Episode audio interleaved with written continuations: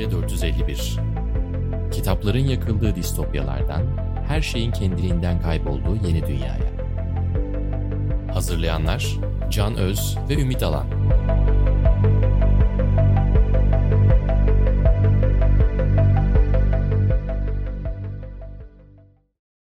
Merhaba, Yeni Medya 451'in yeni bölümüne hoş geldiniz. Bu bölümde ben Can Öz e, ve Ümit Alan ikimiz veri bilinci kazanmak konusunu konuşacağız. Büyük veriyi, Big Data'yı konuşacağız.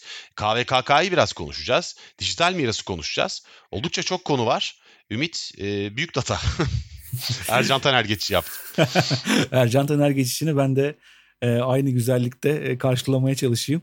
Büyük veri deyince şimdi bir sürü tanımlar falan vermek yerine ben böyle bayağı hayatın ortasından bir örnekle açmak istiyorum. Veri bilimcisi Seth Stephens Davidovitz 2004 ile 2011 arasında ABD'deki işsizlik oranlarına bakıyor. Google'a yazıyor hangi tarihlerde ne kadar falan diye. Sonra işsizliğin en yükseldiği dönemlerdeki Google aramalarına odaklanıyor ve orada bir korelasyon arıyor. Google Correlate programıyla. Sonra Ne çıkıyor korelasyon? Sonra sence ne çıkabilir? Yani işsizlik dönemlerinde en çok aratılan şeyler ne olabilir? İşsizlikle en korelasyonlu şey. Ee, yani iş dışında ne olabilir diye düşünüyorum. Herhalde eğlenceli şeyler olabilir. Bilmiyorum ki ne ne çıkıyor abi? Yani insanın aklına ilk gelen şey mantıklı bir insan. Kariyer siteleri, yeni işle, Doğru. işsizlik bürosularına başvuruyla yani işle ilgili şeyler olması lazım. O işsizlik verisiyle korelasyonlu bilginin. Ama slot load diye bir şey çıkıyor. Slot load. evet slot load'u bilmiyormuş gibi davranalım. Ee, Hayır bu arada gerçekten bilmiyorum. ben de bilmiyordum da e, Amerika'da Hayır yani bildiğim siteler var ama bu değil. Neyse bizim kişisel hayatımız zaten burada çok mühim değil ama yani abi bir de bir şey söyleyeceğim. İsme bak bunu ya porno site değil mi bu? Doğru mu anladım? Evet Slutlot bir porno sitesi. Amerika'da popüler Bula bula da bu sitesi. isimde bir site mi bulmuşlar? Allah kahretmesin ya. İşsizlere bak. Ya en tepede bu çıkıyor. Yine yukarıda çıkan bağlantılardan biri Spider Solitaire bir oyun. Ee, Ha tamam o çok O mantıklı. da anlaşılabilir ama yine de insanlar boş kaldıklarında Ya Ee, demek ki Spider Solitaire'de kaybettikleri zaman Slot Low'da gidiyorlar insanlar. Mükemmel bir şey. Tabii yani abi işsizlik tabii dalga geçilecek bir şey değil aslında. Çok acı bir Evet. şey ama yani bu çok çok ilginç bir veriymiş. Evet. Ee, Big Data'dan çıkan bilgiye bak. yani kimsenin itiraf etmeyeceği şeyler. Bunlar yani sonuçta işsiz kaldığım dönemde en çok porno sitelerde vakit geçiririm diye kimse demez. Ama büyük veri çat diye önümüze bunu koyabiliyor.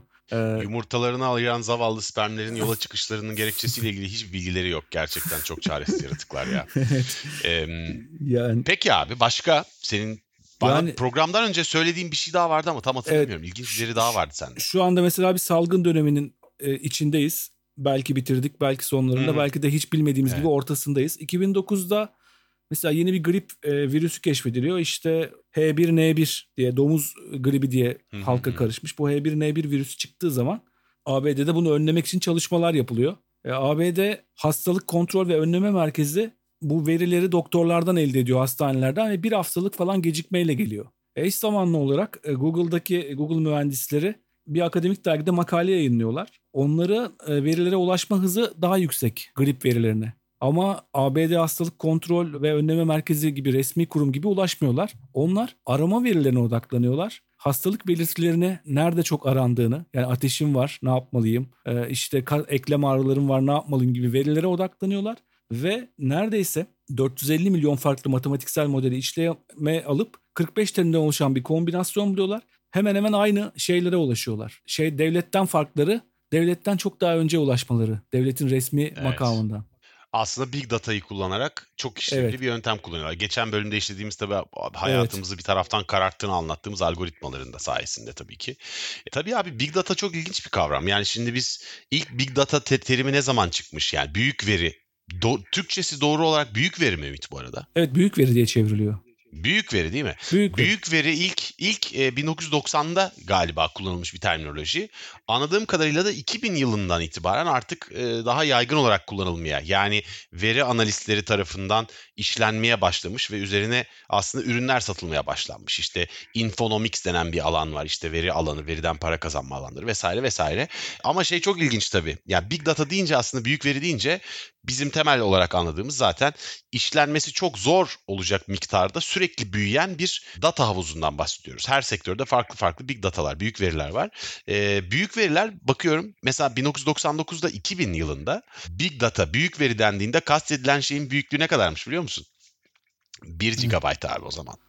ee, 1 GB çünkü zaten toplam transferi yapılan veri miktarının içinde 1 GB zaten çok büyük bir alan işgal ediyormuş. Şimdi ise e, bulunduğumuz çağ zettabyte çağı deniyor evet. ve bu hakikaten kaç yani bin küp kadar daha çok büyük rakamlar. Ya yani gerçekten evet. telaffuz edemeyeceğim kadar artık algılayamayacağımız kadar büyük rakamlar. Yani datanın içeriğini değil, datanın kendi miktarının büyüklüğünü bile idrak edemeyeceğimiz kadar büyük rakamlardan bahsediyoruz artık değil mi? Evet çok büyük rakamlar ve çok büyük bir ancak makinelerle yapılabilen işlemler ama onlar çok ciddi hakikatlere ulaştırabiliyor bizi. Ciddi tehlikeler de yaratabiliyorlar. İşte programın ilerleyen dakikalarında bahsedeceğiz. Bunlar üzerinden yeni bir hukuk oluşuyor. Dünyayı yepyeni bir yere götürüyorlar ve hepimiz için heyecanlı olacak bir süreci başlatıyorlar. Yani özellikle bir bundan 10 yıl önce büyük bir efsane gibiydi bu reklamcılıkta falan. İşte big data geliyor her şey değişecek falan diye. Bir anda değişti. Ne olduğunu anlayamadan hepimiz içinde bulduk. Şu anda her sektörde kullanıyoruz çıktılarını. Evet hatta yani yıllar önce birkaç sene önce Big Data üzerine yazan, büyük veri üzerine yazan bir fizikçi Nobel Fizik Ödülünü de kazanmıştı ve hayatımıza ne kadar olduğunu o zaman aslında dikkat etmiştim ben de. E, ama tabii hayatımıza çok daha yakın bir takım örnekler var. Yani büyük veri üzerinden yapılan bir gazetecilik girdi hayatımıza kısa bir süre önce. Wikileaks, Panama evet. belgeleri gibi. Ee, evet. Bunlar da hayatımızı çok etkiledi tabii değil mi? Çok etkiledi. Yani gazeteciliğin şeklini değiştirdi. Ee, işte veri gazeteciliği diye bir e, olay ortaya çıktı. Bu daha çok Wikileaks'ten sonra konuşulmaya başladı. Panama belgeleriyle beraber. Çünkü e, milyonlarca belge yayınlandı. Yani Wikileaks'te 10 yıllık süreçte 10 milyon belge yayınlandı. Panama belgelerini söyleyecek olursak e, yine milyonlarca belge yayınlandı ve bunların içerisinden işimize yarayacak şeyi çekmek artık başka bir şey haline geldi. Başka bir uzmanlık alanı haline geldi. Önceden gazeteci deyince aklımıza gelen neydi? Fotoğraf makinesi, kayıt cihazı bir klişe. Gazeteci şey vardı önümüzde, e, fotoğrafı vardı. Şimdi bu değişti. İyi bir gazeteciden söz etmek istersek bunlarla birlikte kod bilen, binlerce veri setini analiz edebilen, iyi derecede Excel ve benzer programlar kullanan, bazı istatistik programlarına hakim, bu verileri görselleştirebilen insanları artık çağımızın gazetecisi demeye başladık. Yani Mesela... araştırmacı gazeteciliğin yanında aslında büyük veri gazeteciliği diyoruz değil mi? Evet. Yani veri gazeteciliği tabii.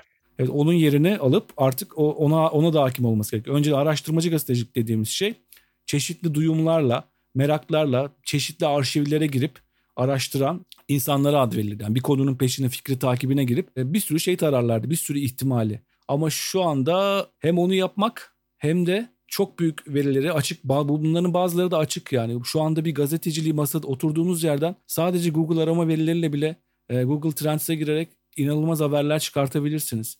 Ya da devlet kurumlarının açık verisine girip e, işte bu kanunen paylaşmaları gerekiyor ya. O açık veriye girip evet. inanılmaz şeyler çıkartabilirsiniz. Bunlar da gazeteciliğe dahil. İşte Wikileaks tartışmalara da neden oldu ama çünkü Wikileaks'e tam olarak gazetecilik denilemez. O bir sızdırmaydı. Ee, işte bu Julian Assange'ın yaptığı iş ve sonra çok büyük evet. tartışmalar yarattı. Tarafsızlığı sorgulandı. Acaba hiç Rusya hakkında olumsuz bir şey yok.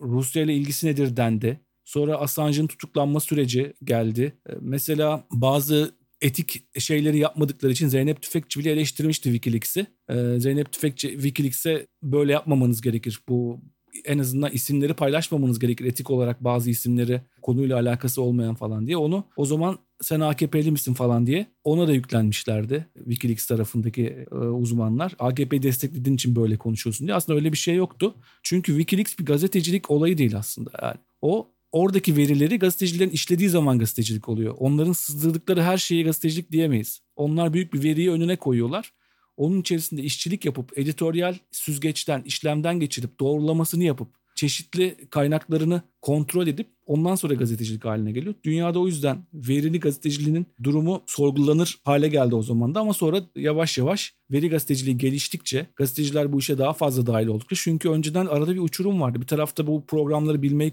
kullanmayı bilen insanlar var. Veri e, veriyi ayıklamayı bilen insanlar. Bir tarafta da gazeteciler var. Gazeteciler onu bilmediği için oradaki veriyi şey yapılmıyor. Onlar da gazeteciliği bilmediği için gazetecilik yapamıyor. Şu anda birleşti. İkisi birbirine girdi. Eğitimi de verilmeye, çeşitli akademik çalışmaları da yapılmaya başladı. Dünya o yüzden bundan sonra gazetecilikte çok farklı e, yansımalarını göreceğiz diye düşünüyorum. E, peki bunun için bu veriye ulaşmak için ne yapması gerekiyor? Yani ne öğreniyor bu gazeteciler e, bu eğitimde? Yani veri madenciliğini öğrenmeleri gerekiyor ilk önce şey gazetecilik zaten bildiklerini kabul ediyoruz. Veri madenciliği de işte bu işlenmemiş ve karışık halde bulunan büyük verinin seçilip anlamlı bir halde işlenerek yeni bir bilgiye dönüştürülmesine deniyor. Veri madenciliği yapmak hmm. için e, birçok e, o verinin içine dalmak, o verinin içindeki değişkenleri yakalamak, o değişkenlerden sonuçlar hmm. bulmak ve onu anlamlı bir hale getirmek. Mesela can yayınları benim bildiğim kadarıyla 40 yıla varmak üzere değil mi? Evet. İşte 40 1980 Önümüzdeki sene 40 olacak evet. 2021'de. Şimdi eğer başından beri çok düzenli kitap satış verisi tutulmuş olsaydı ya da tutuluyor mu bilmiyorum. Ee, eski zamanlarda ee, başından beri değil. İşte işte eski zamanlarda bilgisayar olmadığı için o daha yenidir o veriler. Tabii. O, olduğunu düşün mesela 40 yıllık satış verisi olsa can yayınlarının. O verinin Hı-hı. içerisine girip bir madencilik yapsak ne kadar çok şey çıkabilir o oradan. Kesinlikle. Ee, Türkiye'nin okuma alışkanlıkları, hangi dönemlerde ne okudukları, hangi toplumun hangi kırılma Doğru. anlarında neler okuyup neyi tercih ettikleri, neyin yükselip neyin azaldığı. Orada inanılmaz o veriyi eğer birisi meraklı birisi, veri madenciliği yapabilecek yetkinlikte birisi o verinin içine girse müthiş bir şey çıkartabilir. Böyle çok, köklü çok çok çok iyi anladım. Şeyden. Bunu yapmak. Mesela e, benim e, çok şaşırdığım bir hikaye vardı. Veri madenciliğiyle çıkmış bir şey. Yemek sepeti var ya e, yemeksepeti.com. Bir ara ne yediğimizi ne içtiğimize şey yapan aslında biraz da rahatsız eden bir şey gönderdi. Hepimize bir rapor gönderdi. Ben de Yemek Sepeti'nin neredeyse ilk üyelerinden biriyim. Ee, Türkiye'de girdikten sonra o en emekleme dönemlerinden birinde. Zirvede tantuni çıktı benim. Yani ben şeyden girdiğimden beri tantuni çok yemişim. Yani ama hiç o kadar farkında değilim. Sonra bir rahatsız oldum bundan yani. Çıka çıka e, bütün bir korelasyonu. Tantuni yemekten mi rahatsız oldun yoksa bunu yemek sepetinin bilmesinden mi hocam? Hem bilmesinden hem de ben kendi e, tantuniyi bu kadar zirveye çıkartacak kadar çok yemiş olmamdan.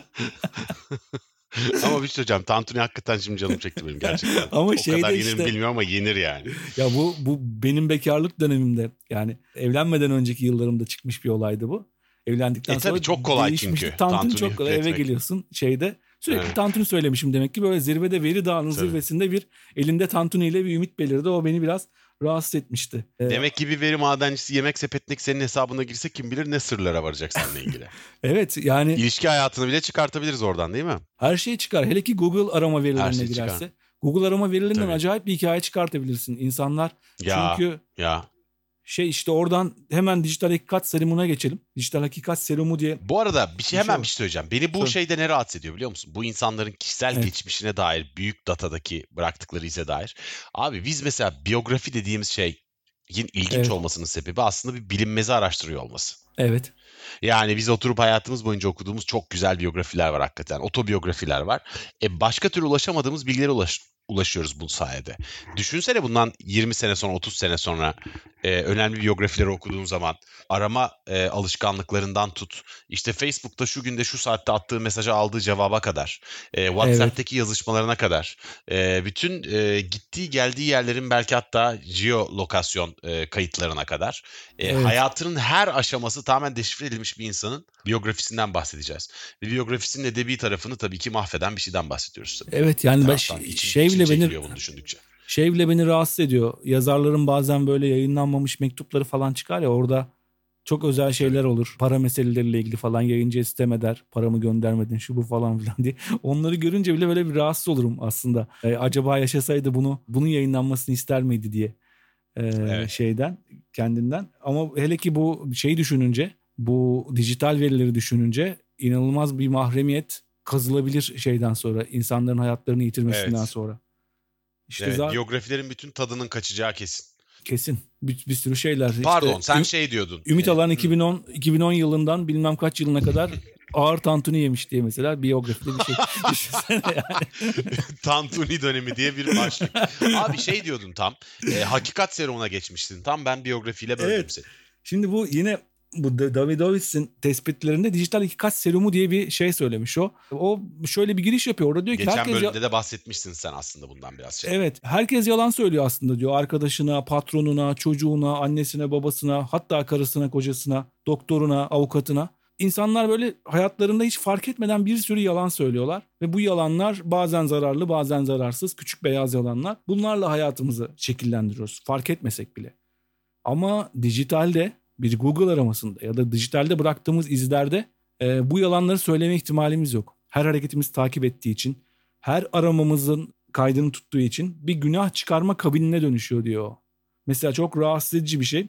Ne kadar her kültürümüz mutlu aile tablolarını kutlayıp öne çıkarsa da diyor. Her yıl ABD'de en az 7 bin kişi çocuk yaptığıma çok pişmanım sorusunu aratıyor diyor. Bunu kimseye itiraf edemezsin diyor. Herkes e, evet çocuk yaptım ama onu çok seviyorum iyi ki yapmışım falan diye kendini şey yapar ama çocuk yaptığıma çok pişmanım sorgusu Google'a girip e, muhtemelen yalnız kaldığında e, arayıp onu onunla ilgili başka paylaşan var mı diye bakıyor şeyden. Burada yani işte, hayatın bütün gerçeklerinin dökümünü görüyorsun aslında orada diyorsun. Evet bütün hiç kimsenin söylemek istemediği şeyleri. Mesela 2016'daki Donald Trump'ın zaferi ABD'de çok büyük bir şok olmuştu ya. Çok büyük bir şok olmasının nedeni anketlerin %2 yanılmasıydı. Yani %2 e, kadar Trump geride görünüyordu. Ama tam tersi az bir farkla kazandı Clinton'a karşı. Önde çıktı. Ee, bunun nedenini işte bu hakikatlerin söylenmemesine bağlıyorlar. Çünkü insanlar anketörlere konuşurken Trump'a oy vermeyi söylemeye utanıyor bir kısmı yani. işte bu farkı oluşturan kısmı. Çünkü en azından böyle olduğu düşünülüyor tabii şeyi evet, de bilmiyoruz. Bu veriyi yani bu Cambridge bu Analytica vesaire gibi mevzuların evet. aslında son birkaç haftada ne kadar etkilediğini de tam olarak bilmiyoruz ama şimdi mesela son gelen anketlerde Joe Biden %15 önde görünüyor. Evet. Mart ayında %2 önde görünüyorken bu %15'e kadar çıktı. Fark açılmaya devam ediyor. Bakalım bu şeyi çok merak ediyorum ben de. Yani evet. bütün bu big data manipülasyonu, büyük veri manipülasyonuna en çok konu olduğu iddia edilen seçimin 4 yıl sonra tekrarında anketlerle sonuçlar ne kadar farklı çıkacak? Ee, evet. epey ilginç ve epey tartışılacak bir konu olacaktır sonra da. Yani görünür veya görünmez yollarla iki tarafta kullanmak isteyecektir bu sefer. Yani geçen sefer Clinton gibi e, tahmin edememiş bu kadar olabileceğini. Ama Trump etki ve dış etkilerle de bir şeyler yapmış. Bu seçimde ama herkes bu tekniklerin farkında ve sosyal medyada inanılmaz bir algı savaşı yaşanacaktır. Her ne kadar e, sorduğunuzda inkar etseler de. Değil mi? İşte bütün bu veriler e, bizim hakkımızda birçok şey söyleyecek. Bizden fazlası hakkında birçok şey söyleyecek. Reklamcılık için bir şeyler söyleyecek. Siyaset için bir şeyler söyleyecek ve bunlar değerlendirilecek. Kimisi çok olumlu, kimisi çok olumsuz. Ama bunların bir tehlikeli ve karanlık bir tarafı var. Veri üzerimizde diktatörlük kurabilir. Ee, işte bir karanlık sonuçlara yol açabilir. Yani veriye gereğinden fazla önem verirsek ve sayıları tek belirleyici olarak kullanırsak hatalar yapabiliriz. Mahremiyet yok olabilir. Hatta e, geçen programda da biraz söz etmiştik. İnsanları daha suç işlemeden tahminler yoluyla suçlayıp cezalandırma gibi yerlere kadar gidebilir. Yani bu insan e, eğilimleri, geçmiş eğilimleri gösteriyor ki 5 yıl sonra suç işleyebilir. Bunu öncesinde e, cezalandıralım gibi şeyler gelebilir, öneriler gelebilir. En azından cezalandırılmasa bile e, gözetim altına almak gibi eğilimler evet, başlayabilir. Bütün mahremiyetine. İşte buna e, 1984'ün distopyası gerçek ve kusursuz bir hale gelebilir bundan. İşte orada büyük birader diyordu. E, büyük veri büyük biradere e, doğru Evet ve orada insanları e, ikna etmek için büyük bir, bir odaya alıp e, odada bir takım işkenceler yaparak aslında evet. delirmesine yol açarak ikna ediyorlardı. 2 artı 2'nin 5 olduğunu söyletene kadar falan. Ama bugün tabii bütün bunlara ihtiyaç duymadan büyük birader yerine büyük veriyle e, bize bunları evet. yaptırmalarının çok daha mümkün olabileceği bir geleceğe doğru gidiyoruz. Bu gerçekten çok ürpertici. Ama bunun tabii çözümü için en azından bir takım inisiyatifler de alınıyor dünyada. Şimdi biraz da ona gelelim istersen. E, yani özellikle Avrupa'da e, bir takım gelişmeler oldu son 4-5 yılda. GDPR yani General Data Protection Regulation, genel data koruma regülasyonu da diyebiliriz buna. Çok ciddi bir şey değiştirdi. Türkiye'de de KVKK var. Tabii bunların kimler tarafından kullanıldığı ve ne amaçla kullanılacağı çok önemli. Şüphesiz ki kişisel verilerin korunması, korunması amacıyla yola çıkılan süreç en nihayetinde iktidarların hukuku kendi kölesi gibi kullanarak bu verileri kendi lehlerine değiştirmesi gibi sonuçlar verebileceği için konu çok tartışmalı olmakla beraber ahlaki temelde çok önemli bir fark da yarattı dünyada değil mi? Evet çünkü e, buraya bir standart getirdi. Diğer ülkeler buraya doğru gitmeye başladı. O, o standartlarla bir veri farkındalığı oluştu. İşte Türkiye'de kişisel verileri koruma kurumu harekete geçti. Birçok e, yeni bir sürece doğru gitmeye başladık bu koruma yönetmeliğiyle beraber. İşte orada ne diyordu?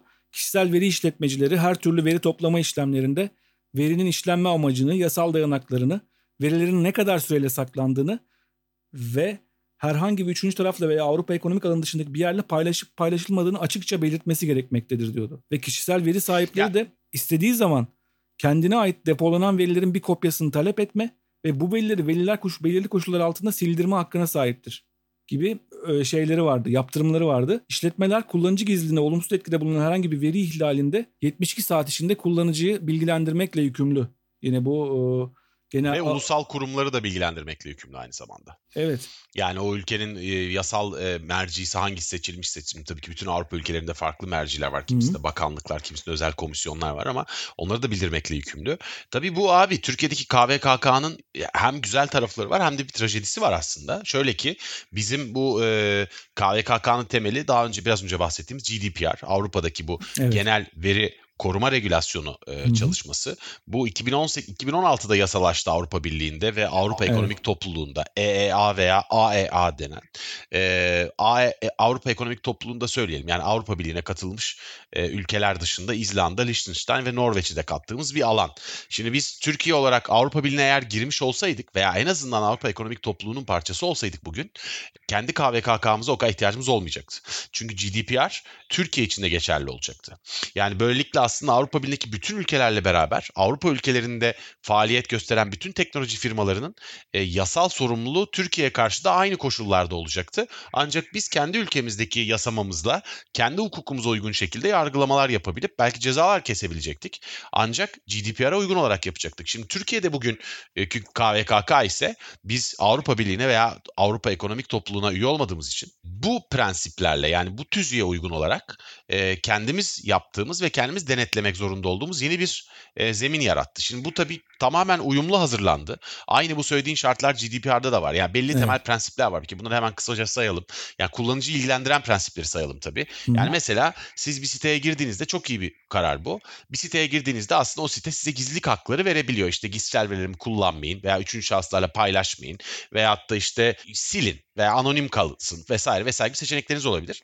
Bu yasa ile beraber bütün siteler ve yazılımlar size siteye girer girmez hesabınızı en yüksek gizlilik seviyesinde açmakla yükümlüler. Yani siz orada bir ayar yapmadan kurnazlık yapamıyorlar. Zaten bunların temelinde belli prensipler var. Bu prensiplerden zaten bir tanesi hukuka ve dürüstlük kuralına uygunluk ilkesi. Bu birçok ülkede farklı, fairness diye geçiyor vesaire. Türkiye'de de aynen böyle geçiyor.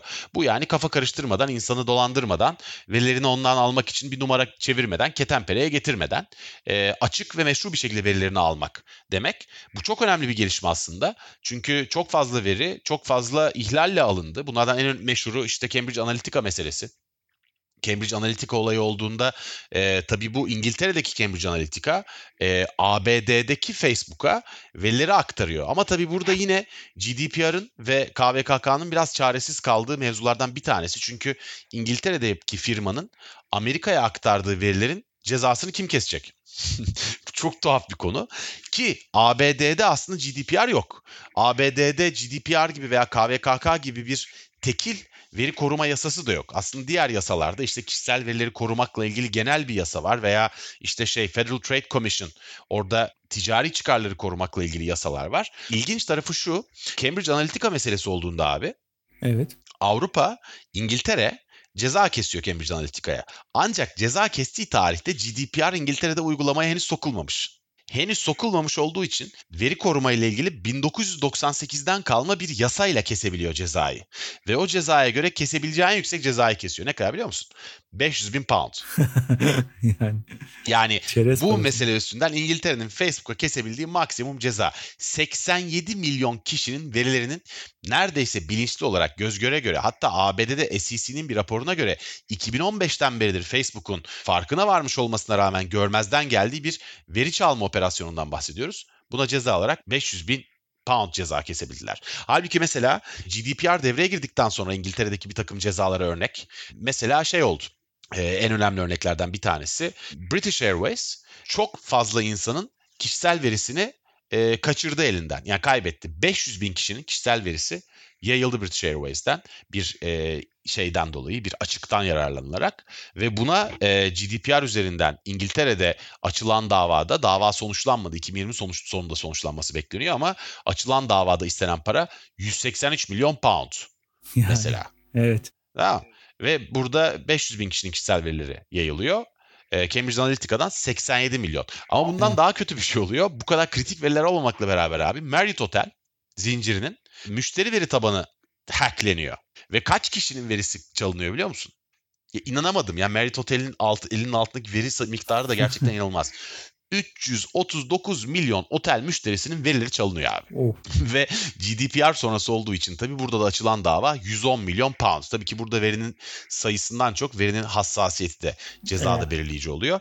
Ama yine de yani şeyi söylemek lazım. Bu GDPR çok yeni bir uygulama. Yani 2018'de yasalaştı. Evet. Türkiye'de KVKK daha bu senenin başında birçok yerde uygulanmaya konuldu. Hı hı. Ve e, tabii cezalar yeni yeni hız kazanıyor. Yani çok büyük cezalar kesilmedi. Bugüne kadar Avrupa'da GDPR'dan toplam 340 kere ceza kesilmiş.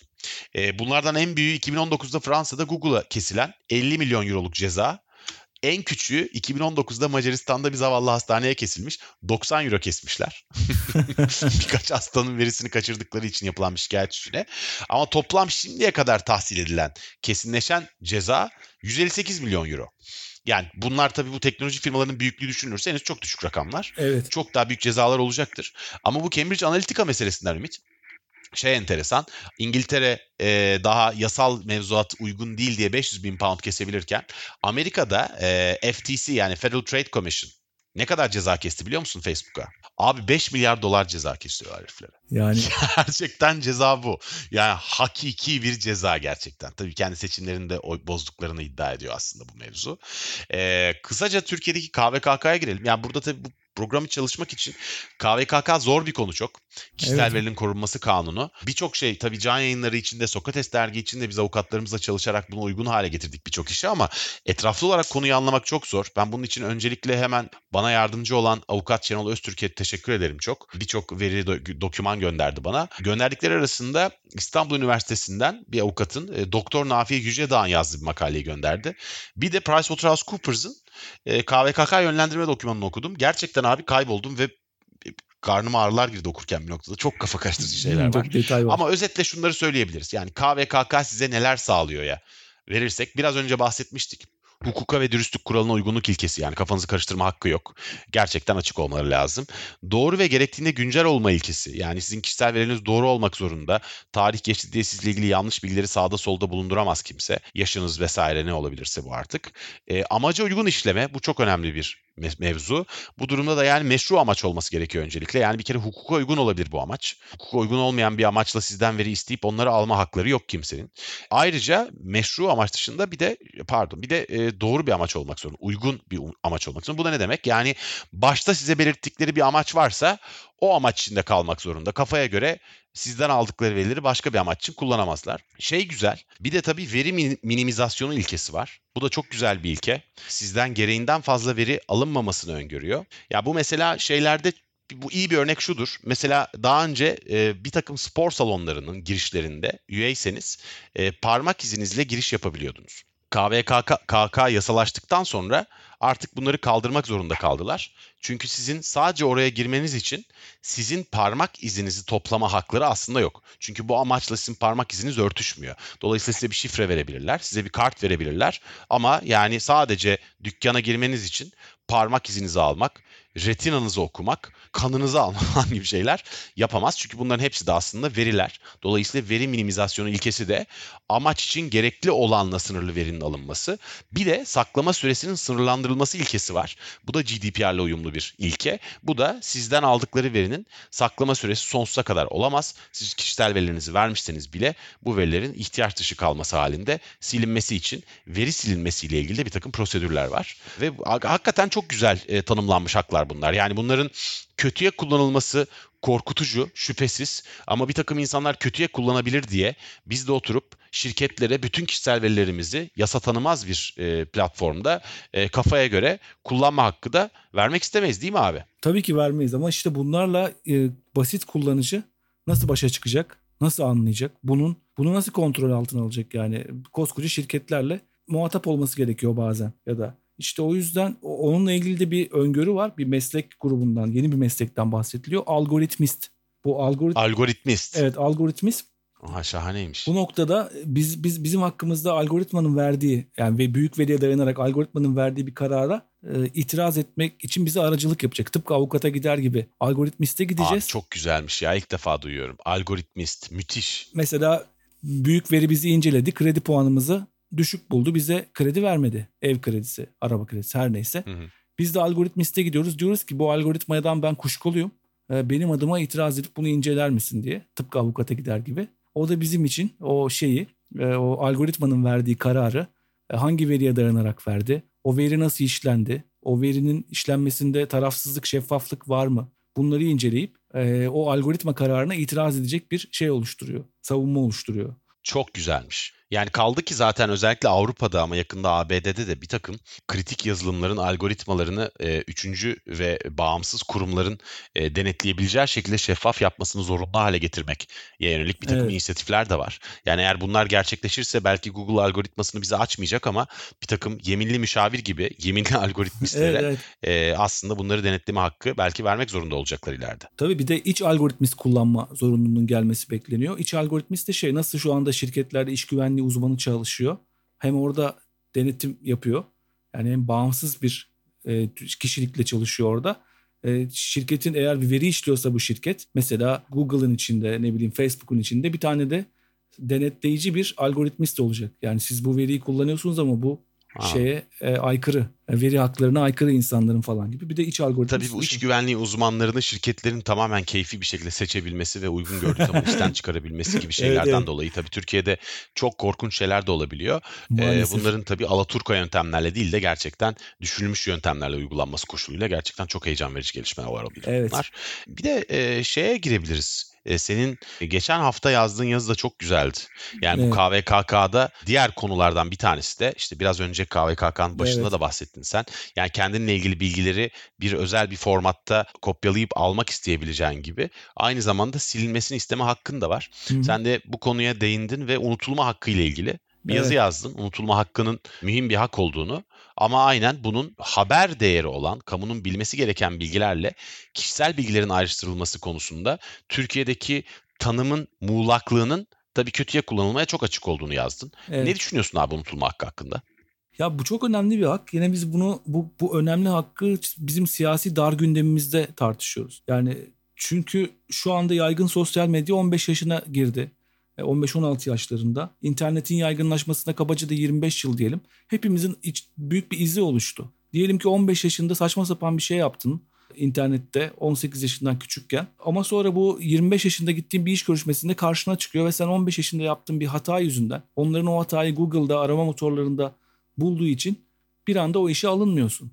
E, o unutulmamış çünkü adam senin ismini yazdığında oradaki insan senin en üstte şeyi görüyor. Senin hakkında Google'a bırakılmış izi görüyor. İşte bu izleri sildirebiliyoruz. Evet. Bunu sildirme hakkımız unutulma hakkı. Ama Türkiye'de bu iki tür iki hattan tartışılıyor. Diyorlar ki birinci hatta işte siyasiler iktidar partisine bağlı AKP'li siyasiler geçmişlerini sildirecek. Bugününe uymayan geçmiş demeçlerini Google aramasından çıkartacak falan diyorlar. Bir hattan da benim gibi ama unutulma hakkı önemlidir bunu başka türlü tartışılmak isteyenler var. İşte Avrupa Birliği de bunu 2014'te karara bağlamış. Şeyden de önce. Bu veri güvenliği GDPR'den de önce. GDPR'den de önce 2014'te Adalet Divanı bir karar çıkartmış ve unutulma hakkı tanımak zorundasın Avrupa Birliği vatandaşlarına demiş. Ee, hmm. Google'da buna kriterler koymuş. Bu demiş ki bu karmaşık bir süreç. Çünkü her isteği tek tek değerlendirmemiz ve bireyin kendi kişisel verilerini denetleme hakkı ile kamunun bilme ve bilgi dağıtma arasında bir denge sağlamamız gerek demek. Yani neyi sildiriyoruz? Mesela evet. Google'a başvurular olmuş. Milyonlarca, e, binlerce başvuru. O 2014'ten bu tarafa. %46,5'unu kabul etmişler, silmişler. %53,5'unu reddetmişler.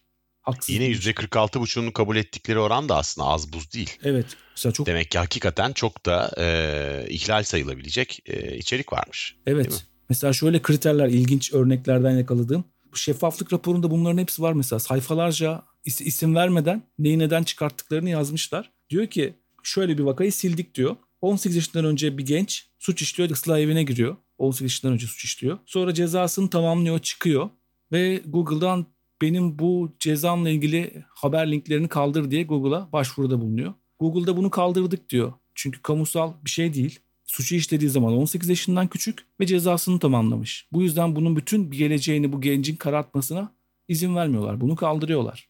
Ee, Çok güzel bir hak bu. Çok güzel bir hak. Bununla ilgili başından lazım. geçen bir şey anlatayım mı sana? Tabii ki. Ee, bu 2016 yılında hatırlıyor musun? Ee, bir e, 2016'ydı galiba.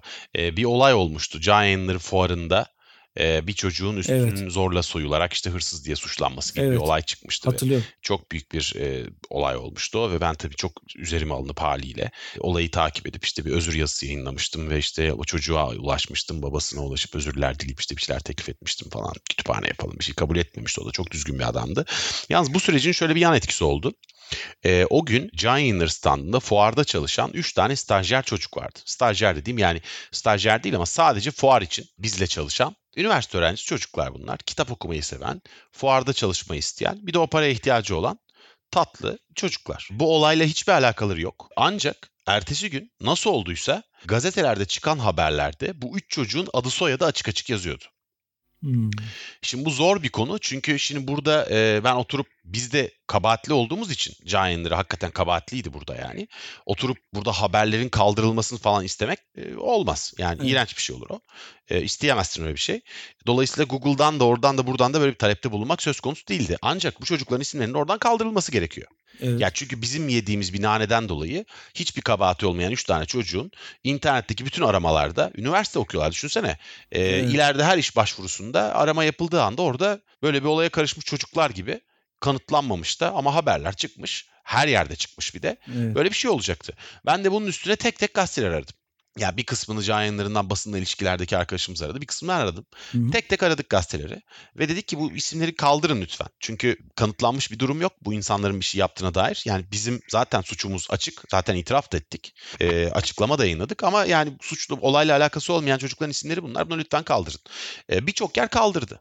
Ama mesela çok ciddi kurumlardan bir tanesi ki orada çalışanlar yakından tanıdığımız insanlar dedi ki siz bunları kaldırmamızı istiyorsanız demek ki e, gizlemeye çalıştığınız bir şeyler var. Bu durumda asla kaldırmayın gibi bir şeyler yaptılar. Neyse sonunda dedim ki peki kaldırmayın ama orada da çocukları aradım çocukların annelerini arıyorum. Anne tabii çok kızgın sizin yüzünüzden bizim çocuğumuz bu durumda diyor. Haklı yani ve çok zor bir konu yani çok çok zor bir konu ama belki de yani o çocuklar tabii ki kendi isimlerinin kaldırılması için bir şeyler yapabilirlerdi.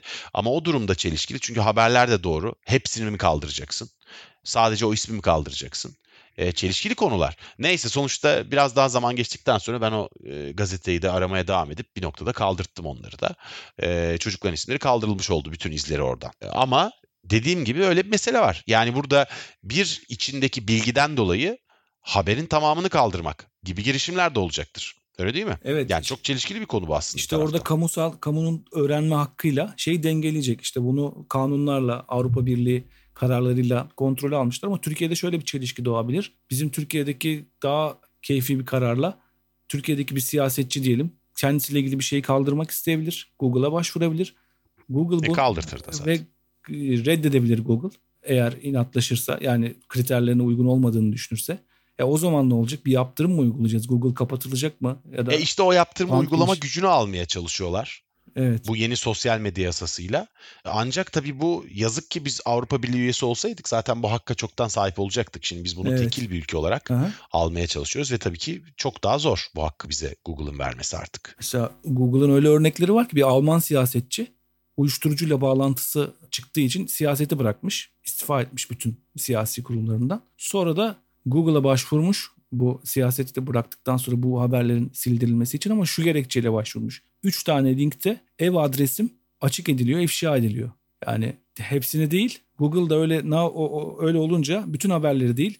Sadece ev adresinin ifşa edildiği 3 link e, kaldırıyor arama sorgusunda. Yani şeyin dengesini tutuyorlar. Evet. Ya aslında yasalarla uyumluluk da burada söz konusu. Yani bütün bu kişisel verilerin korunması kanununda aslında evet. yasalarla uyumluluk söz konusu. Ee, hem yerel yasalarla hem de işte bir evet. takım uluslararası yasalarla yani Avrupa Birliği yasası, Avrupa Birliği tüzükleri vesaire. Ama bu önümüzdeki yıllarda çok daha tartışmaya gebe. Yazık ki biz Türkiye'de çok her şeyi kontrol etmeye çalışan ve belki de kişisel veriler ve kişisel haklardan ziyade yalnızca kendi verileri ve kendi haklarının peşinde olan bir takım siyasetçilerin etrafında bu konuları tartışmak zorunda kalıyoruz. Evet. Ee, o yüzden tabii kamu da bu konularda yeterince aydınlanamayıp çok savunmaya geçiyor. Oysa ki yani bu çok çok önemli bir konu. Kişisel verilerin de tabii ki korunuyor olması gerekir. Unutulma hakkı da çok önemli bir haktır şüphesiz ki. Evet. İstersen dijital mirasa geçelim. Zamanımızda epey evet, kullandık. Evet. Ben de bu bölüm senin Hı. altında kalmamak için uzun uzun konuştum ama yani şeyi söylemeliyim. Anlattıkların hakikaten çok ilginç. Yani evet. programda seninle yapmanın benim için çok keyifli olduğunu söyleyeyim. Çünkü anlattığın her şeyi çok büyük bilgiyle dinliyorum. Ee, dijital miras konusuna gelelim abi. Bir de böyle bir konu var. Evet. E, öldükten sonra dijital varlığımız ne olacak? Evet ya. Evet. Bu e, bu meselede işte burada sosyal medya hesaplarımız ne olacak gibi birçok soru çıkıyor. E, parasını ödediğimiz dijital varlığımız ne olacak gibi şeyler. İşte bu teknoloji yazarı Erdal Kaptan Seren e, burada tavsiyeler vermiş birkaç tane. Mesela Facebook'ta bazılarımız biliyorlar mı acaba bir hesabımıza Facebook hesabımıza birine öldükten sonra anıt haline getirmesi için birine devretme hakkımız var. Facebook'un ayarlarına girip ben öldükten sonra şu kullanıcı benim adıma bu hesabı anıt hesaba çevirsin. Anısına diye yazıyor ya bazen Facebook'ta görürüz e, hayatını evet. kaybetmiş insanlar da bunu bu şekilde oradan kendimize bir varis ayarlayabiliriz. Bunu bilenler var, bilmeyenler var. Hatırlatmak istedim. Ondan sonra... Ya bu mesela e, Kobe Bryant'ın vefatından sonra Instagram'da zaten galiba benzer bir şey yapmıştı. Evet. E, burada tabii bu ilginç bir konu çok. Çünkü bunun bir de yasal zemini var. Şimdi ben biraz buna baktım. Evet. E, iyi bir makale buldum. E, avukat Yasemin Maraşlı Dinç'in yazdığı bir e, makale bu. Dijital miras üzerine yazmış. Abi şimdi buradaki temel çelişkiler şunlar. Bir kere mesela Türkiye'de Türkiye tarafından bakıyoruz. Evet. E, dijital miras yani aslında sosyal medya hesapları bir dijital miras olarak görülebilir mi ve varislere devredilmeli mi? Aslında buradaki temel soru bu ya. Evet. Yani Facebook'un uygulamasının ne olduğundan bağımsız olarak ki Facebook'un uygulaması da Almanya'da federal mahkemenin aldığı bir karar sonrasında çıkmış ilginç bir şekilde. Bu makalede o da yazıyor. Bahsettiğim Facebook değişikliği. Aa, bir kere Türkiye'den başlayalım. Türkiye'de bir kere anayasanın 20. maddesinde ki özel hayatın gizliliği meselesi. Evet. Yani dolayısıyla bir kişinin sosyal medya hesaplarının bir başka varise devredilmesi aslında anayasadaki özel hayatın gizliliği ilkesini ihlal edebilir. İkincisi anayasanın 22. maddesindeki haberleşmenin gizliliği maddesini ihlal edebilir. Ki bu iki ihlalinde TCK'ya göre e, suç olarak cezaları var. Yani TCK 132 ve TCK 134'e göre bu ihlallerin suçları var. Dolayısıyla bu tartışmalı bir konu. Ama e, burada hep veraset hukukuna gönderme yapmış Yasemin Maraşlı Dinç ve e, şeyden bahsetmiş. E, senin de söylediğin bu Facebook'un uygulamasını temel olan Almanya'da bir mah- mahkeme var. Almanya'da önce Berlin'de yargıya taşınıyor. İşte aile e, hesapları istiyor falan. Berlin'deki mahkemede kabul etmiyor. Ancak Alman Federal Mahkemesi daha sonra bu hesapların, bu sosyal medya hesaplarının aynı mektup günlük gibi anı değeri olduğunu savunuyor ve hesapların mirasçılara teslim edilmesine karar veriyor. Oo, Şimdi evet. bu karar verdikten sonra zaten Facebook senin söylediğin bu sistemi kuruyor. Çünkü burada esas mahkeme konusu olan hesap Facebook hesabı zaten. Evet. Ve bu hesabın e, varislere aktarılması ile ilgili kararın ardından bunu emsal alıp Facebook bu uygulamayı kendi içine de koyuyor. Tabii ama buradaki problemlerden bir tanesi bunun her ülkede aynı olmaması. Hmm. Ya burada mesela tartışmalı başka konular da var. Söz gelimi mesela biz şimdi şey diye düşünüyoruz. İşte birinin babasının, annesinin veya bir akrabasının vefatından hesabının varislere geçmesi diye düşünüyoruz. İşte evet. o hesabı o kullanacak. Belki işte başı sağ olsun diyecek. Belki fotoğraf paylaşmaya devam edecek falan filan. Ama bir de yüksek gelir sağlanan hesaplar var. Yani mesela çok takipçili bir hesaptan bahsediyorsan gelir sağlanmıyor bile olsa reklamla çok rahatlıkla gelir sağlayabilecek bir ticari araç o. Evet. Aynı zamanda mesela YouTube videoları da YouTube videolarının yayınlandığı büyük büyük hesaplar var. Bazen bireysel bazen ticari olarak kullanılan hesaplar ama bu hesaplarda birer ticari mülk aynı zamanda. Dolayısıyla buradaki yasal zemin o kadar tartışmalı ki çünkü sen bu hesapları e, parasal değeri olan bir e, ekonomik mülk olarak tanımlarsan varislere devri için mesela şöyle bir problemle karşılaşabilirsin. Ya adamın çekleri karşılıksız çıktı diye YouTube hesabına birisi haciz koydurabilir. Takipçilerini de O kadar şey ki karışık yani. Takipçilerini de getir diye. Bütün şeyler. Evet bütün takipçilerini de getir diye. Evet. Yani dolayısıyla şimdi burada şunu unutmak lazım. Yani sosyal medya hukuku ve dijital miras diye kavramlar anladığım kadarıyla bunun için ok, yaptığım okumalardan ve yine avukat Şenol Öztürk'ün de yardımları gerçekten teşekkür ediyorum kendisine. Sayesinde yani hukuk diline yavaş yavaş bütün dünyada girmeye başlıyor olmakla beraber biraz karışık. Yani o ülkedeki bir kere hukuka uygun olarak bunun yapılması her ülkeye göre o kadar kolay değil. Ancak yani bu mesela makalenin sonunda özetle söylenen şey e, yani en nihayetinde hem anı mektup gibi sayılacak hesapların e, hem de ticari hesapların hem de bunların ikisinin karması olan yani hem anı değeri taşıyan hem de ticari olan hesapların aslında varislere intikal ettirilmesi için e, gerekli yasal zeminin kurulmasına çok müsait bir ortam olduğu ve bunun yavaş yavaş bu noktada gideceği. Ancak şu an anladığım kadarıyla dünyada çok para eden yani çok gelir sağlayan bir sosyal medya hesabının yasal varislere intikaliyle ilgili açılmış henüz bir emsal dava anladığım kadarıyla dünyanın hiçbir yerinde yok. En azından makaleye göre öyle. Dolayısıyla hani göreceğiz. Burada galiba bir takım emsal davaları takip edeceğiz falan. Ama bu konu daha çok su kaldırır. Yani önümüzde bu konuyu daha çok konuşacağımız yıllar olacağını düşünüyorum. E- e- epey bir mevzu çıkacaktır yani. Evet e, işte bunun için de bir takım güvenlik önlemleri almamız lazım. Belki de e, bizi öldükten sonra hesaplara kimsenin girmemesini istiyoruz. En yakınımız dahil. Mesela. E, öyle de bir şey olabilir. İşte o yüzden önerilen şeylerden bir tanesi yine. Bu şifreleri tek noktada toplayan uygulamalar var. LastPass, KeepPass gibi. Çok zor bir şifre tanımlıyoruz ona. Kimsenin bilmediği. Ondan sonra bütün şifrelerimizi onun içerisine koyuyoruz. Diğer bütün hesap şifrelerimizi. Onun üzerinden yönetiyoruz. Bu da bir güvenlik sağlıyor. Ya da dosyalara şey yapmak var. Yine bunları Erdal Kaplanser'in bu veri güvenliği ile ilgili makalesinden şey yapıyorum. Bilgisayarımızda bazı dosyaları hiç kimse görmesin diye onlara şifre koymak. Encrypt on click diye bir yazılımla ben öldükten sonra da bunları kimse görmesin diye bilgisayarının tamamına olmasa da bazı dosyalarına e, öyle önlemler alabilirsin. Bu kimseye miras kalmasın. Benimle ilgili çok gizli şeyler var içinde diye düşündüğümüz. Bunlar da çeşitli önlemler. Ama bir de Yani eğer Kafka zamanında yazmış olduğu şeyleri sakın yayınlama diye arkadaşı Max Prod'a vermek yerine senin dediğin gibi enkript etmiş olsaydı evet. Biz de Kafka'nın yazdığı hiçbir şey okuyamıyorduk. evet böyle bir şey olabilirdi. İşinde bir böyle de bir boyutu var. Yani e, ama tabii yani burada oturup Kafka'dan yola çıkıp herkesin verilerini herkese paylaşacak halimiz yok. Ama işte Evet. şeyi de söylemek lazım. Yani bütün bu değişiklikler e, hayatımızı ve insanlık tarihini baştan sona değiştiriyorlar aslında değil mi yavaş yavaş? Evet yani her şeyimizi değiştiriyorlar. Giz- izleniyor muyuz, izlenmiyor muyuz? Şimdi veri güvenliği konusu bir de bu tarafı var. E, zaman zaman Doğru. ben şeyden insanlara gülüyordum. E, kameralarına bant yapıştırıyorlar ya. İşte iPad'lerinin, bilgisayarlarının kameralarına kullanmadığı zaman bir tane bant yapıştırarak beni izlemesin diye şey yapıyor. Sonra bir gün Facebook CEO'su Mark Zuckerberg'in bir fotoğrafını gördüm. İş yerinde çekilmiş. Onun bilgisayarının Evet kam- ya. kamerasında da bant var. Yani dedim bu adam da kapatıyorsa Ama tabii ki- yani o sıradan birisi olduğu kadar Evet. yani sonuç olarak bir hacker'ın herhangi bir basit bir Trojan'la bile e, Evet. rahatlıkla bir başkasının bilgisayarında kamera varsa onu aktive edebileceğini biliyoruz. Evet. Yani sonuç olarak hedef olan birisi için bu çok normal. Ama bu demek değil ki hepimizin kameralarını sürekli birileri kullanıp her Evet, an evet. izliyorlar. Yani Ee, ama yani bununla ilgili tabii bir sürü hikaye de var elbette. Yani sonuçta bir kameranız varsa bu her zaman bir güvenlik riskidir. En Evet. nihayetinde birisi sizi gözüne kestirirse e, bilgisayarınıza girip kameranızdan sizi dikizleyebilir. evet şimdi bir de Şüphesiz ki. bu Siri Yani gülünecek bir şey değil gerçekten. E, işte bu Siri ile Amazon Echo ile falan artık ses de o şekilde. Yani evde sesle kullandığımız bir sürü cihaz ortaya çıktı çıkıyor. İşte ışıkları aç, ışıkları kapat diye sürekli dinleyen bir şey var orada. Onlar bir güvenlik Abi bu şeye ne oluşturuyor. diyorsun? Bak buna şimdi aklıma geldi. Daha önce gelseydi araştırıp gelirdim biraz. Hı hı. Bu e, konuştuklarını insanların reklam olarak gördükleri iddiaları. Sence aslı astarı var mı bu işin? Ya o ka- Telefonda konuştum ve ondan iki dakika sonra konuştuğumda söylediğim bir şeyin reklamlarını görmeye başladım. Şerefsizler benim konuşmalarımı dinleyip bana onun üstünden reklam veriyorlar diye çok duyduk. onu ben araştırdım da onunla ilgili hiçbir kanıt yok. Yani böyle iddia çok. Hmm. Hatta Twitter'da yazdım bir kere. Yani bunları söyleniyor ama Hmm. bunlar şey oldu. Birçok kişi e, hayır öyle oluyor diye itiraz etti. Yani şununla ilgili bir denk gelme durumu da olabilir.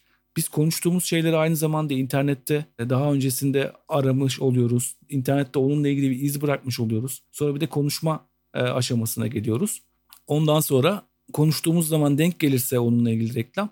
Ha konuştuğumu söyledi gibi düşünüyoruz. Ya bu da bir ihtimal. Bir- ya tabii şey. ileride başka şeyler de çıkacaktır ama yani büyük birader gerçekten de bizi Evet. izliyor olduğuna göre artık Dinliyor da olabilir. e, yani ne kadar izleyip izlemediğine dair hepimizin de kuşkucu olması da çok normal herhalde. evet çok E, normal. ama dediğin gibi eğer bizim konuşmalarımız gerçekten dinlenip reklama dönüşüyorsa e, bir yerden bir gün bunun kokusu mutlaka da çıkacaktır diye tahmin Evet ediyorum herhalde. bu büyük riski almışlar mıdır? Çünkü bu yasalara aykırı.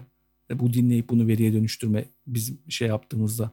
Bu, bu riski alan birileri var mıdır? O- ona da emin olamıyorum. Yani İngiltere'de 87 milyon kişinin verisini kaptırdıktan sonra sadece 500 bin pound gören ceza gören bir şirket belki bunu göze alabilirdi ama 5 milyar dolar ceza alan bir şirket bunu ne kadar göze alırdı Evet. bilmiyorum. Ya bu cezalar yükseldikçe tabii bunların olma olasılığı da gittikçe azalacaktır herhalde. Umuyorum hakikaten bu büyük firmalar yani bu cezalandırma GDPR'a göre şöyle abi e, en yüksek ceza aslında 20 milyon dolar gibi görünüyor ama aynı zamanda 20 milyon dolar yeterli bulunmazsa şirketin yıllık cirosunun %4'ü kadar ceza kesebiliyorlar firmaya. Of. Üst sınır bu. Evet bu evet. da az hangisi hangisi daha büyükse onu kullanıyorlarmış galiba. Yani bir ceza E, rakamı öyle var. olacak gibi Şeyden. görünüyor ama tabii 90 euro ceza kestikleri kurum da var haliyle. E, yani suçun büyüklüğüne göre değişiyor Yasal bu. boşluklar. Ama yani bu cezalar gerçekten caydırıcı büyüklüğe geldikten sonra tabii e, işler biraz değişecektir. Ama bu konuları daha çok konuşacağız. Ümit e, çok güzel program oldu. Kapatmadan önce girmek istediğin başka konu var mı? Epey geniş Yani e, başlıklar listen olduğunu biliyorum senin çünkü. yani kanunlara bizi koruyan şeylere güveniyoruz ama cihazlarımıza o kadar güvenmiyorum. Çünkü Mastercard'ın bir araştırması var. Çok da yeni bir araştırma. Dijital dünyada güven tazelemek diyor. Diyorlar ki oradan çıkan sonuca göre birkaç yıl içinde 50 milyar cihazlık güvenlik riski ortaya çıkacak. Yani 50 milyar cihaz yeni teknolojilere karşı güvenlik açısından riskli hale gelecek diyor. İşte o zaman bu dediğin biraz önce konuştuğumuz sesimizi dinleyip reklam gönderiyorlar mı gibi e, riskler ortaya çıkıyor zaten. Ama asıl işte söylemek istediğim en çok bu veri bilincine bir defa hepimizin sahip olması lazım. Veri haklarını biliyor olmamız lazım. Bu bedavacılık kültürümüz üzerine düşünmemiz lazım. En bu veri meselesinde en kritik anlardan biri o. Ben bir anda bakıyorum, kendim de yapıyorum tabii kendimi hariç tutmadan. Bir yaşlandırma uygulaması çıkıyor şeyle ilgili. Yüzümüzü, fotoğrafımızı yaşlandırıyor ya. Evet. E, bir ot- 20-30 yıl sonraki halimizi gösteriyor. Herkes bir anda paylaşmaya başlıyor onu. Bedava da bir program. Herhangi bir para da ödememiş. Ama neden bu hizmeti bana bedavaya verdi? Demek ki benim e, ya da senin ya da başkalarının yüz verilerini kullanarak belki de bir deepfake dediğimiz bir programı geliştirmek için kullanacak o şeyi. Birçok insanın yüz verisini karıştırarak yeni yüzler yapıyorlar ya. Bunun için kullanıyor olabilir. Yani kullanmasa bile elinde artık satabileceği çok değerli bir havuz var artık. Evet işte olarak. bunları bu bilinci e, hemen hemen koşuyoruz. Ne olacak ki benim yüzümü alsa? O kadar da önemli değilim diye düşünüyoruz ama o işte benim yüzüm gibi bir milyar yüz yan yana gelince bambaşka bir şey oluyor onlar için. Evet ve bu kişisel verilerin konulması kanunlarını hiç sallamayan bir takım şirketlerin olduğu Evet. e, Çin gibi yani mesela TikTok'un datasını nasıl kullandığı hala çok tartışılan ülkelere de gidebilme ve dolayısıyla etrafımızdaki ülkelerdeki yasaların hiçbiri tarafından asla korunamadığımız ortamlarda işlenme gibi olasılıkları olduğunu da hiç unutmamak lazım. Evet. Ya kendi ülkemizde veya belki gelişmiş batı ülkelerinde müthiş yasalar olabilir. Ama bu elimizden bizden çıkan verilerin sadece bu ülkelerde değil, bambaşka ülkelerde de çok farklı şekillerde kullanıp kullanmayacağına dair hiçbir tayin ediciliği olmayan bir şey. Evet. Dünyada bu açıdan riskli bir tane ülke olduğu sürece e, kişisel verileriniz her türlü kullanılabilir, her zaman kullanılabilir. Bunu unutmamak lazım. Evet. Bu bunları dedikten sonra artık klasik haline gelen kitap tavsiyelerimizi verip kapatabiliriz herhalde. Değil mi? Tabii ki abi. Evet. Lütfen. İşte büyük veri diye bir kitap kullandık bu bunu hazırlanırken. Yaşama, çalışma ve düşünme şeklimizi dönüştürecek bir devrim alt başlığı da Viktor Mayer Schönberger ile Kenneth Kakir yazmış. Paloma yayından çıkmış. Bana yalan söylediler. İnternet ve gerçek yüzümüz diye bir kitap kullandık. O da Seth Stephens Davidowitz'in Koç Üniversitesi yayınlarından çıkmış. Bu kitabı özellikle çok ilginç veriler var insanlar içinde. Ee, özellikle tavsiye ederim bana yalan söyledileri. Bir de bu programda değinmediğimiz bir kısmına değinen bir kitap var. Bu kitapta değinmediğimiz için okunmasını tavsiye edeceğim. O da İzleniyoruz diye bir kitap. Yeni reklam sektörünün elindeki kimliğimiz ve değerimiz Joseph Trove Hill yayından çıkmış. Bu da bizim değinmediğimiz kısmı. Ne içeriyor? Abi çok teşekkürler. Rica ederim. Ee, ben ben teşekkür ederim. konuyla çok alakasız bir kitap tavsiye edeceğim. Evet. Affına sığınarak. Tabii ki. Çünkü şu an okuyorum. Hı hı. ve öldüm kitaba. Kitap Can çıkmış bir kitap ama şimdiye kadar yaptığım podcastleri bilenler oturup benim sürekli Can Yayınları kitapları Tabii tavsiye etmediğimi Ner- neredeyse hiç tav- tavsiye. Etmiyorlarsa da etmesinler kardeşim. Öldüm kitaba öldüm. Evet. Murat Uyurkulağ'ın yazdığı Delibo. Bayağı çok uzun zamandır okuduğum en iyi roman olabilir. Böyle bir hikaye anlatım gücü ve bütün edebiyatın geliştirdiği enstrümanlarını kullanırken bazen yazarlar o enstrümanları üzerimize saçarlar ve aslında altına anlattıkları hikaye o kadar gerçek gelmez. Altta anlatılan hikayelerin hepsinin böyle buram buram, kor kor, gerçek gerçek bütün damarlarıma kadar işlediği inanılmaz bir kitap. Hem Murat Uyurkulak'ı tebrik ederim hem de e, konuyla hiç alakası yok ama herkese tavsiye ederim. Murat Uyurkulak'tan Deli Bu gerçekten enfes bir kitap olmuş. E, Ümit çok teşekkür ederim abi hem e, çalışmaların için hem anlattıkların için.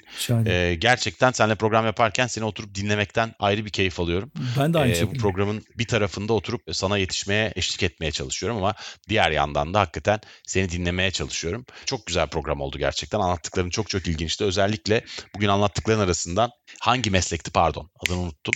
Algoritmist. Algoritmist Evet. aklımda fena halde kalacak. Bir dahaki programda dijital emek üzerine konuşacağız sevgili dinleyiciler. Bir dahaki bölümde görüşmek üzere. Yeni Medya 451'in bu bölümü böylelikle sonlanıyor.